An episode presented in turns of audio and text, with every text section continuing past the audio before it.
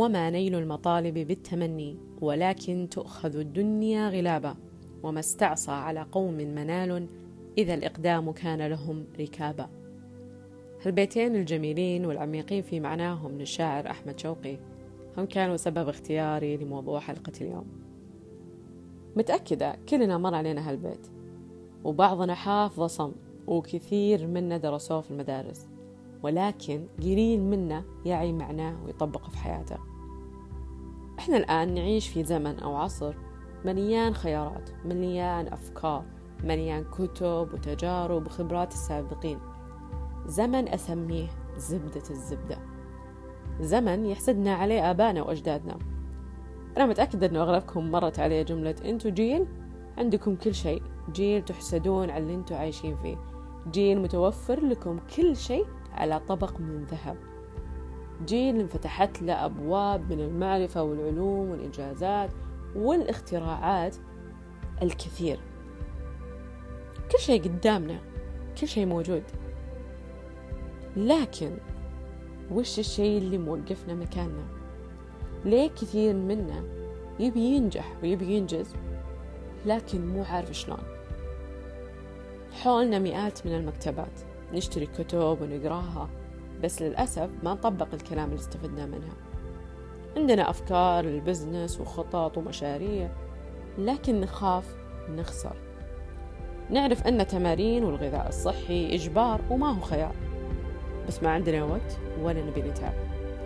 نعرف قيمة الأهل والعائلة وأهمية أن نقضي وقت معهم. الصراحة نجي من الدوام تعبانين وما لنا مزاج. النجاح والسعادة والحب والمال ما تجي للناس اللي قاعدة على الكنب طول اليوم. ما تجي للناس اللي تنام طول النهار. ما تجي للناس اللي تتذمر. أول عدو لك واللي هو موقفك الآن الكسل. ومثل ما قال لنا أحمد شوقي الحلم اللي أنت ودك توصل له والهدف اللي ودك تحققه ما راح تاخذه بالتمني. ما راح تاخذه وانت جالس لازم تسعى لازم تجاهد لازم تحارب تتعثر. في كثير من التجارب والدراسات أثبتت فعالية التخيل وتأثيره القوي في تحقيق أهدافنا وكثير من البشر أصلا يمارسها في حياته.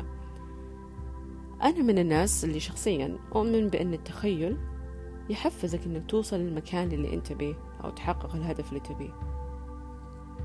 ولكن هل التمني والتخيل لحاله يكفينا؟ يعني معقولة أقعد طول اليوم على السرير أو أكون من سطح على الكنبة وأتفرج على التلفزيون؟ وأتخيل إني مدير شركة؟ أو رائدة أعمال؟ ولا مدربة؟ ولا لاعب؟ أكيد لا. الهدف من تجربة التخيل هي أنها تحفزك للحركة والتفكير بأدوات وأفكار توصلك للهدف. يعني باختصار حتى التخيل هو نشاط للعقل وتدريب يقارب النشاط البدني في تأثيره. وكما قال الله تعالى في كتابه الكريم وأن ليس للإنسان إلا ما سعى.